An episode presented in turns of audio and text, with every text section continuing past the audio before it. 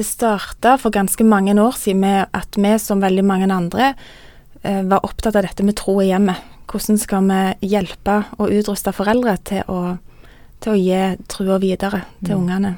Og så kom vi i kontakt med et miljø borte i USA, der vi var på noen konferanser i forhold til dette med tro i hjemmet, og møtte han som leder Avana eh, sentralt. Og det vi kom i kontakt med da, det var en misjonsorganisasjon som jobber i over 120 land. Um, de har et høyt fokus på, på, dette med å få hjemmet med i oppdraget. Og det vi så, det var et opplegg som, som gikk fra 2 til 19 år. Uh, sånn at det er et fullt undervisningsopplegg. De får med seg bøker hjem, sånn at foreldrene er med og blir kjent med hvor en er henne i det som blir undervist. Så, så det er egentlig en full trosopplæringsplan på mm. mange vis.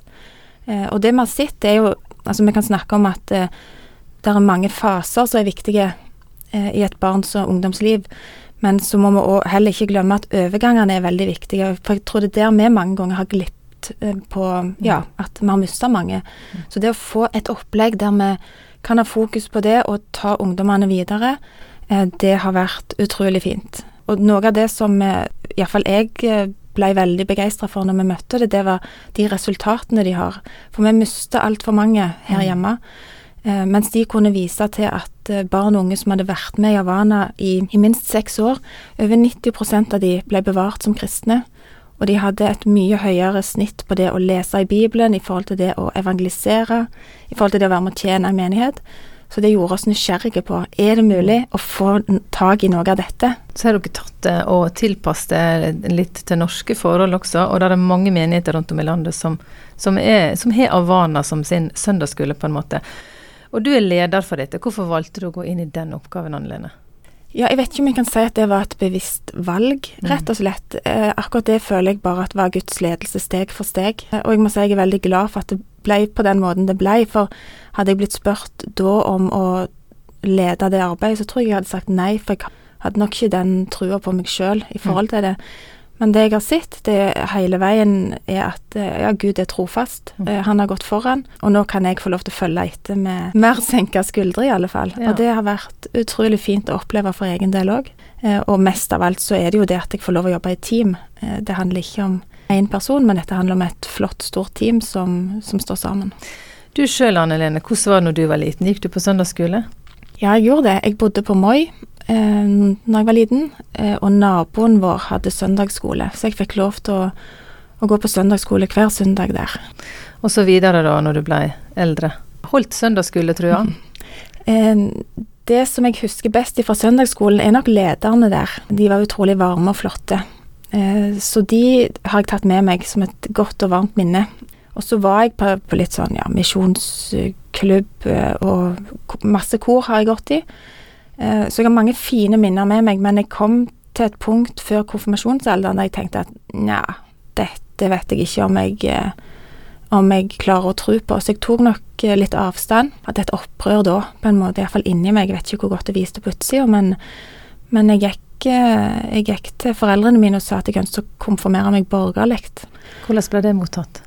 Eh, du, jeg har en veldig klok mamma, så hun holdt seg helt rolig, og så sa hun at Anne Lene, det er helt i orden eh, at du velger å ikke konfirmere deg, men borgerlig konfirmasjon, det er ikke aktuelt.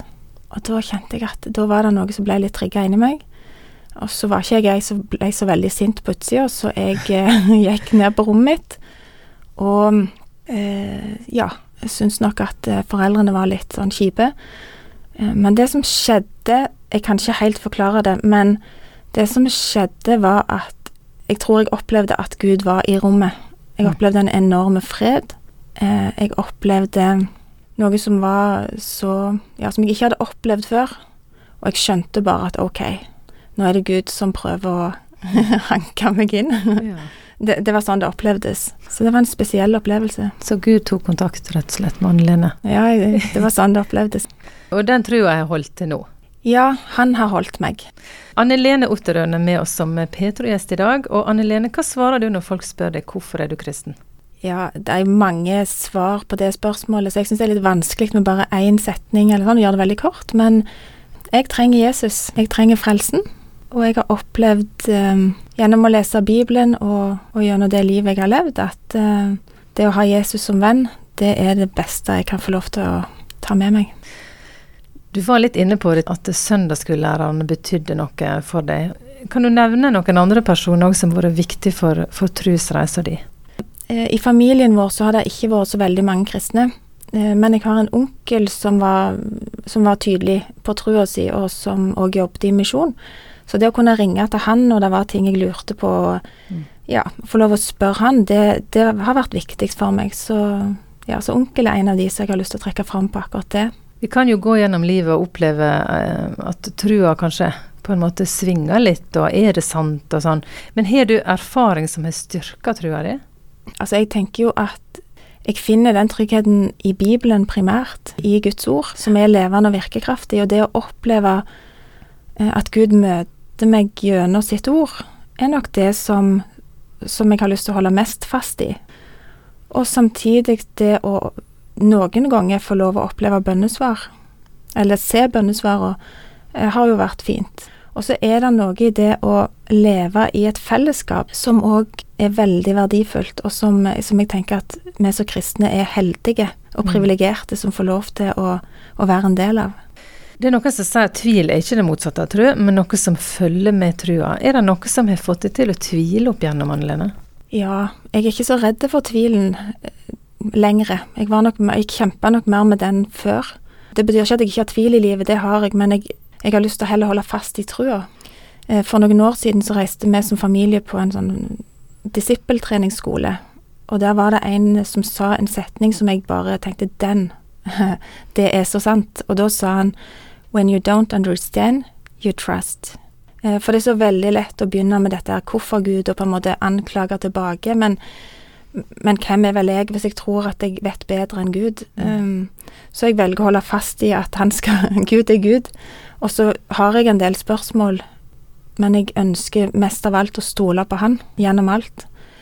Uh, det betyr ikke at det er enkelt når bønnesvarene uteblir. Mm. Ikke i det hele tatt. Men, men, det da igjen å få være en del av et fellesskap blir desto viktigere, syns jeg. Anne Lene Otterøen hun er vår Petro-gjest i dag, og er nasjonal leder for Avana Norge. Og dette her opplegget fortalte du litt om tidligere, Anne Lene. Det er jo et opplegg for barn, ungdom helt opp til 19 år. Det viser seg jo at mange i ung alder velger å forlate trua, og kanskje dette er en måte å holde dem i fellesskapet på? Tenker du det? Ja, jeg tror det er mange ting så, som kan gjøre det, men jeg tror at dette er en av tingene. Og i forhold til vaner så opplevde vi litt at uh, vi fikk det for ei tid som denne, og det har vi lyst til å holde fast i. Så har jeg òg lyst til å si at de tallene som vi bruker når vi snakker om at mange forlater trua, det er amerikanske tall, de er ikke norske. Så det vi har fått lov til å bli med på nå, det er at det er starta en eh, forskning på det. Der vi har en som tar doktorgrad på akkurat det samme for å finne de norske tallene på dette. Så det er jeg spent på. Og da er vi ikke så veldig opptatt av hva som ikke virker, men vi har veldig lyst til å finne ut hva virker i forhold til at de skal bevare trua og bli disippelgjort for hele livet. Du har snakket litt om det òg før, men, men, dette med det kristne fellesskapet, hva betyr det for det å være et kristent fellesskap? Jeg tenker jo at vi er skapt til relasjon. Relasjon til Gud, relasjon med hverandre. Eh, så, så, det Og vi ser det jo gjerne nå i en tid der, som er litt annerledes, der vi ikke får, får være så tett på hverandre. Eh, hvis en snakker med ungdom, så hører jeg veldig ofte at eh, det er mye lettere å tro i et fellesskap enn det å tro alene, sier de. Det syns jeg egentlig er ganske godt sagt. Det er noe med det å komme sammen, sette mot i hverandre, være der for hverandre, se hverandre. Eh, få lov til å hvile hos hverandre. Få noen heiarop, gi noen heiarop vi trenger hverandre. Vi trenger å være bærelag for hverandre.